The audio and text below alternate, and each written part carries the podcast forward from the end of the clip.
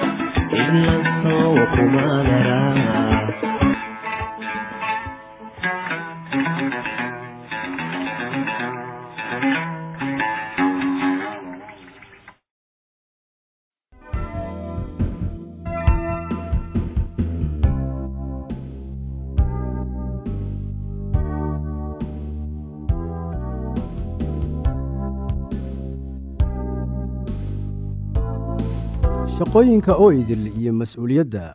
Wax ka muhiimsan ma jiraan shaqada iyo mas'uuliyadda qofka guriga hagaajinaya ama habeeya. Iyada oo laga fikirayo muhiimadda ballaaran ee ay haweenku ku leeyihiin adduunkan ayaa nin waxa uu yidhi sida tan waxaa jooga adduunkan waa wax ka soo farcamay naag uun keyr iyo sharba. Inaad ku raacdo laga yaabaa inaanay ku raacin laga yaabaa. Laakiin taas waxaan uga dan leeyahay inaad ku raacdo ayaa laga yaabaa ama inaadan ku raacinba laakiin haweentu waa qof adduunka muhiimad ballaaran ku leh keyr iyo shar. Labaduba haweenkan badankooda ma garanayaan ama ma arkaan sida ay muhiim u yihiin. Kuma liitaan awoodda ay ku sameynayaan wanaagga iyo kan ay wax ku baabi'inayaan. Tan iyo inta badan waxaa lagu sameeyaa guriga meel qarsoodi ah iyo meelo kale oo xukumo awooddan. Taas waxaan uga dan leeyahay meel qarsoodi ah oo iyaga oo qura ayuunbaa xukumo awooddan hooyada inay noqoto guri maamulaha ayaa ah midda ugu weyn adduunkan. Noqoshada hooyada waa mid aad u adag oo khatar ah laakiin wax beddeli kara iyada ma jiraan. Adduunka haweenka maanta waxay u muuqataa inuu buuxiyey heer laga gaaray xagga cilmiga farsamada gacanta iyo sayniska.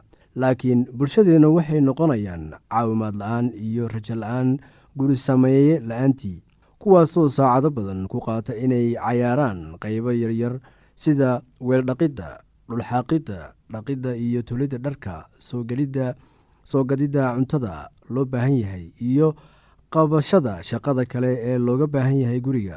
Waxyaalahan kulli markii la isku dardaro waxay sameeyaan guri. Ka dhig meel adiga iyo familkaaga u gaar ah meel ka xirxiran qalbiyada adduunka maanta meel leh jacayl iyo is-aqbalid meel leh difaac waa guriga e gurigu waa sida shay baar nololeed oo ay dadku ku koraan. Meesha carruurta saqiirka ah ee aan si caawin karin guriga waa sida shay baar nololeed oo ay dadku ku koraan. Meesha carruurta saqiirka ah ee aan iscaawin karin ku koraan waa meel carruurta koraysa iyo dadka waaweyn isdhexgelayaan oo ku baranayaan inay qof noqdaan kaasoo daryeela qalbi qaboojiya jeclaada waxqabsada noqda qof mas'uuliyad leh oo u adeegaya ilaahay dadkaba. Fikradda ugu muhiimsan ee guri samayn ku jirta ayaa waxay tahay guri sameeyaha fikradda uu ka qabo guri samaynta. Marka uu shuqul maalmeed guriga qabanayo baaritaan lagu sameeyey guryaha ayaa waxa uu sheegayaa in hooyooyinka sida ay u arkaan ama u waajahaan shaqadooda ay sal u tahay xaaladda guud ee reerka islamarkaasi aad tahay guri hagaajiyaha waxa aad tahay qofka ugu muhiimsan gurigaaga bulshadaada iyo qaybaha kale ee adduunka. Waa run in naagtu qabato shaqo badan oo loogu talagalay inuu ninka qabto si wanaagsan ayayna u samaysaa. Laakiin guri hagaajinta iyada oo keliya ayaa qaas ku yahay. Isla markaasi aad tahay hooyo naag ama guri hagaajiya ayaa waxay kaa dhigaysaa wax qaas ah iyo waxtarka aad u keenayso bulshada. Guri ayaa ah adduunka dhammaadkiisa iyo bilowgiisa. Hooyada oo qura ayuunba si wanaagsan u abuuri karta. Hooyada ugu awoodda iyo xoog badan adduunka maanta ma ahan kuwa shineemooyinka iyo riwaayadaha jila laakiin waa kuwa bulshadooda dhex jooga oo naftooda u horay horumarka dadkooda iyo mas'uuliyadda hooyanimo oo caawiya nimankooda. Waxay u baahan tahay dadaal daacad ah daryeelayn isdhibid iyo is-edbin si aad u noqotid guri hagaajiye weyn. Inaad gacan ka geysato koriinka wiil iyo gabar barbaaraya oo noloshooda isaga raaxaysanaya oo waddani sax ah oo laga doonayo iyaga oo laftooda inay aaqirka guryo dhistaan. Oo ay waddada ilaah qaadaan ayaa ah shaqo culus oo laga doonayo qofka guriga hagaajiyaha ah.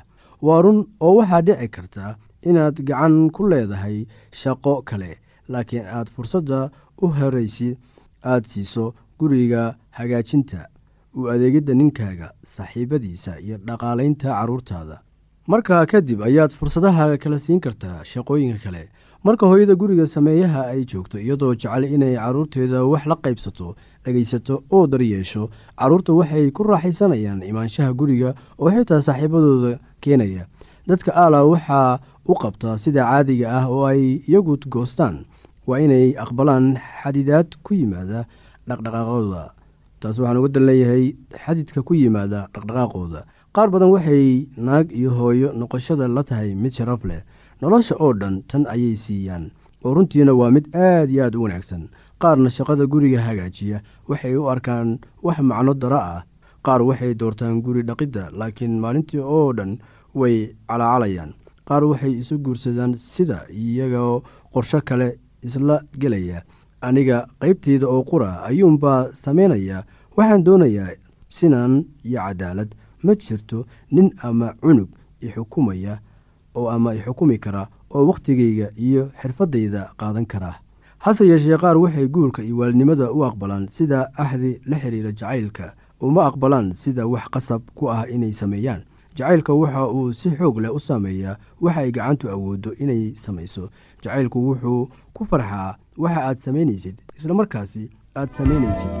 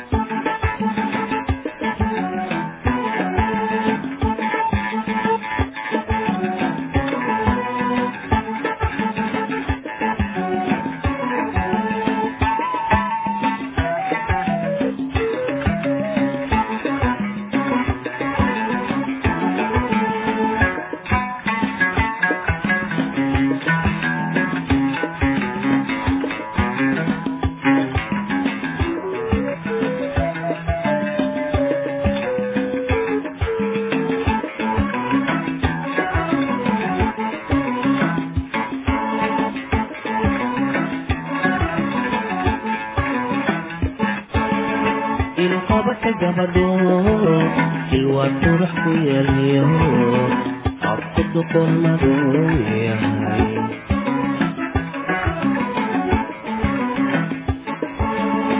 ilqabaka gabadho ilka daba ku yeeliyo afku duqon madow yahay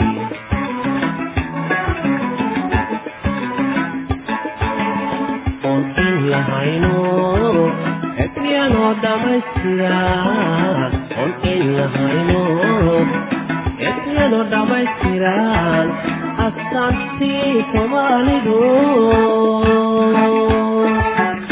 idilkood ka muuqdaan laadkaysa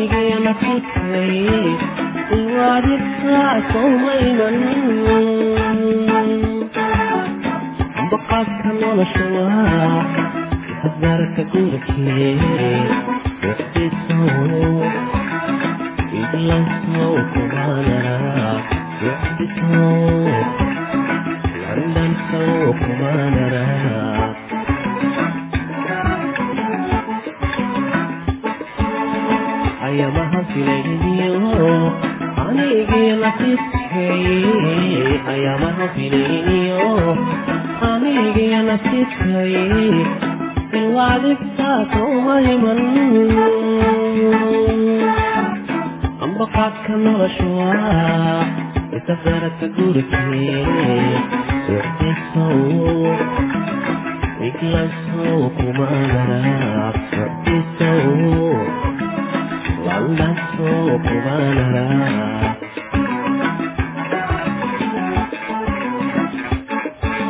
soodoradkani ma uusan jacayl dhabi soodoradkani ma uusan jacayl dhabi durbaa maalilahay soo qalgalkaygii oodhidaydi may noqon oodhidaydi may noqon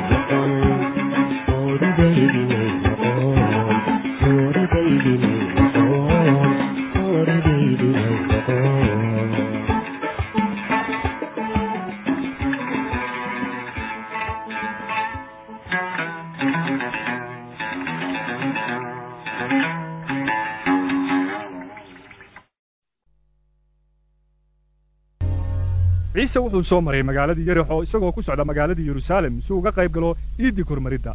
Dad badan oo faraxsan ayaana kula kulmayey meel kastoo uu tagaba. Kuwo badanina waxay weydiinayeen sida ay ku heli lahaayeen dembidhaaf oo ay boqortooyada ilaah u geli lahaayeen. Jidka nagu hoggaami rabbiyow rabbigaygiyo sayidkaygow badbaadi. Nin cashuurqaade ah oo maalqabeena laakiinse khaayina magaciisana sakhaayos la odhan jiray ayaa yerixo ku noolaa. Aad buu u doonay ciise arko laakiinse maadaama uu nin gaaban ahaa umay suurto gasheen inuu dadkii badnaa ka dhex arko sidaa daraaddeed wuxuu fuulay mid geedihii dhaadheeraa ee jidka ku dhinac yaalle ah si uu dadka kale uga sarreeyo oo ciise u arko kaasi waa canshuur qaadaha ciise geedka hoostiisii ayuu ku hakaday dabadeedna kor ayuu fiiriyey dhaqso u soo deg sakhaayasow waayo maanta gurigaaga ayaan joogayaa ma gurigayga yaa dooni lahaa inuu gurigiisa joogo sakhiyos muxuu ku gartay ciise isagoo aad u faraxsan ayuu sakhaayos geedkii ka soo degey oo si weji furan ciise gurigiisii ugu soo dhoweeyey. Laakiinse dadkii faraha badnaa ee meeshaas joogay way yaabeen oo u qaadan waayeen waayo cashuurqaadayaasha. Waxaa lagu yaqaan inay dadkooda khiyaaneeyaan ma jiro mid kale oo madaxdii diinta ka mid ah oo lagu arki karay mid sidaas oo kale aad loogu necab yahay oo gumaysiga roomaanka u wakiila. Naxariistii uu ciise u muujiyey ayaa ninkii taajirka ahaa ee sakhaayos aad u saamaysay. Dhegayso waxaan siin lahaa. Kalabar waxaan lahaa masaakiinta. Oo haddii aan qof khiyaaneeyey waxaan u celinayaa afar laabkeed.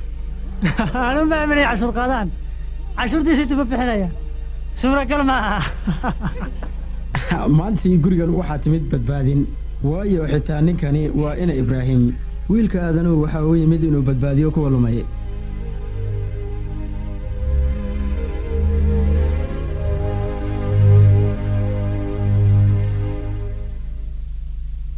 markii uu yeruusaalem u soo dhowaaday ciise wuxuu go'aansaday inuu magaalada galo isagoo dameer yar fuushan tani waxay kaamilaysay waxii shan boqol oo sanno ka hor la sii sheegay kaasoo ku saabsanaa boqor guulaystay oo magaalada ku soo gelaya dameer. Dadkii badnaa ciise ku hareeraysnaa aad ayay imaanshihiisa ugu farxeen waxayna ugu yeedheen boqorkooda. Rabbiga amaana! Runtii ninkani waa na nebi tus jidka runta ah rabbiyow. Nabad sharaf caafimaad! Qaar madaxdii diinta ka tirsan oo dadkii ku dhex jiray ayaa ciise u cawday. Macallimow ku amar xertaada inay aamusaan. Waxaan idiin sheegayaa haddii ay aamusaan. Dhagxaanta qudhooda ayaa qaylo bilaabi lahayd. Boqorkaygii baa yimid. Wuxuu buskaya gabadhaydii isagu waa boqor. Wuxuu dejiyey duufaantaydi waxaa barakadaysanina daawud indhahayga buu furay. Isaga ayaa barakadaysan laakiin intuu ciise magaalada ku soo socday ayuu mar hakaday oo magaaladii fiiriyey wuuna murugoday isagoo sii sheegaya burburka ku dhici doona. Waayo kuwo badan ayaan isaga u aqbalin inuu masiixa yahay. Haddii maanta aad ogaan lahaydeen jidka nabadda laakiin waad kari weydeen inaad aragtaan. Maalmuhu way imanayaan marka cadowgiinna ay dhufay samaysan doonaan si ay idiin hareeyaan oo dhinac walibana laydinka cidhiiriyo oo gidaaradan bay idinku dhex baabi'in doonaan. Adigay carruurtaaduba oo iyagu dhagax dhagax dul saaran idinka tegi maayaan waayo idinku maydaan xusuusan wakhtigii booqashadiinna markii ay caanimadii ciise sii korodhay ayaa madaxdii siyaasadda iyo kuwii diinta ee magaaladu aad uga welweleen sidii ay dadkii raacsanaa u sii kordhayeen. Waan fahmay kuwo badan ayaa isaga boqor ahaan u sharaxay.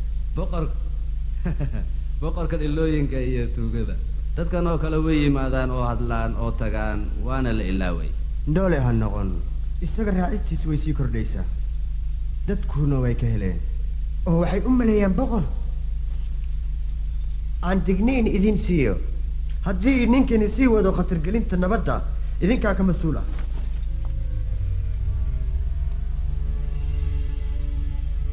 laga yaabaa inuu sax yahay.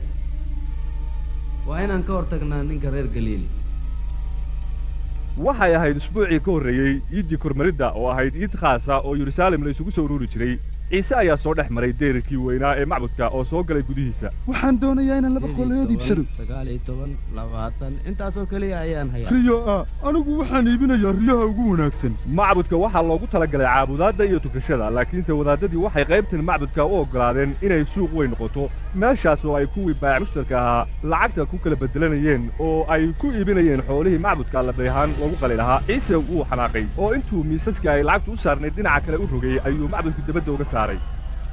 Way qoran tahay gurigayga waxau ahaan doonaa guriga salaada idinkuna waxaad u bedesheen hoyga tuugada. Xoolahayga joojiye isaga joojiye isaga. U yeera waardiyaasha u yeera waardiyaasha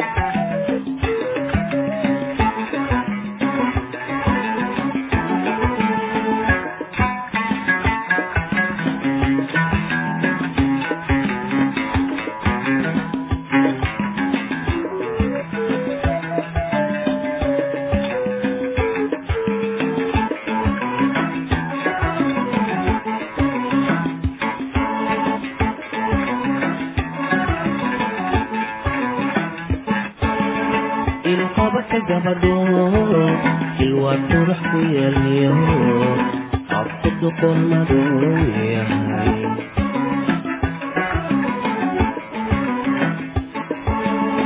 Ilqabaka gabadho ilka daba ku yeelyo afku duqon madow yahay.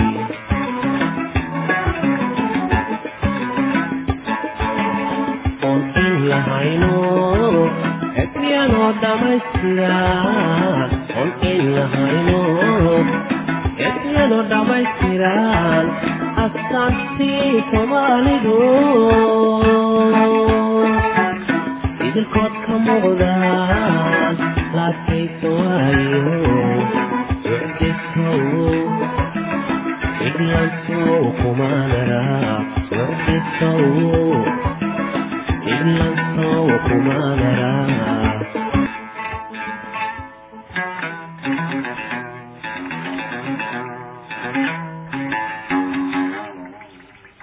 haddii aad qabto wax su'aalaha fadlan inala soo xiriir. Ciwaankeenna waa radio somaly at yahu dt com. Mar labaad ciwaankeenna waa radio somaly at yahu dt com. Barnaamijyadeena maanta waa naga intaas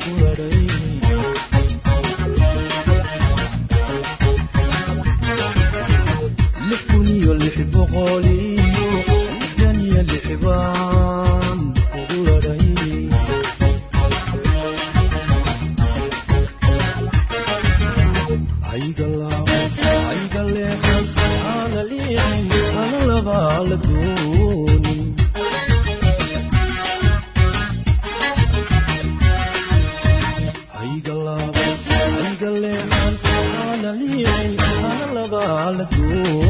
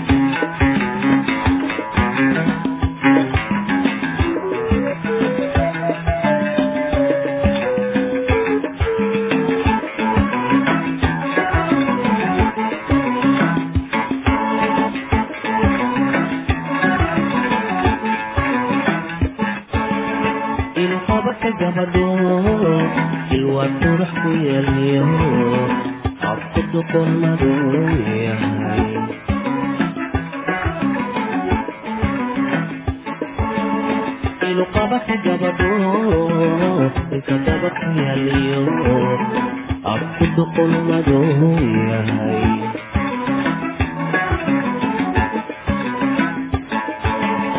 oon in lahayno etyanoo dhamaystira oon in lahayno etyanoo dhammaystiran astaantii soomaalidu idilkood ka muuqdaan laakaysa waayo socdisow iglansow kumaanara socdisow iglansow kumaanara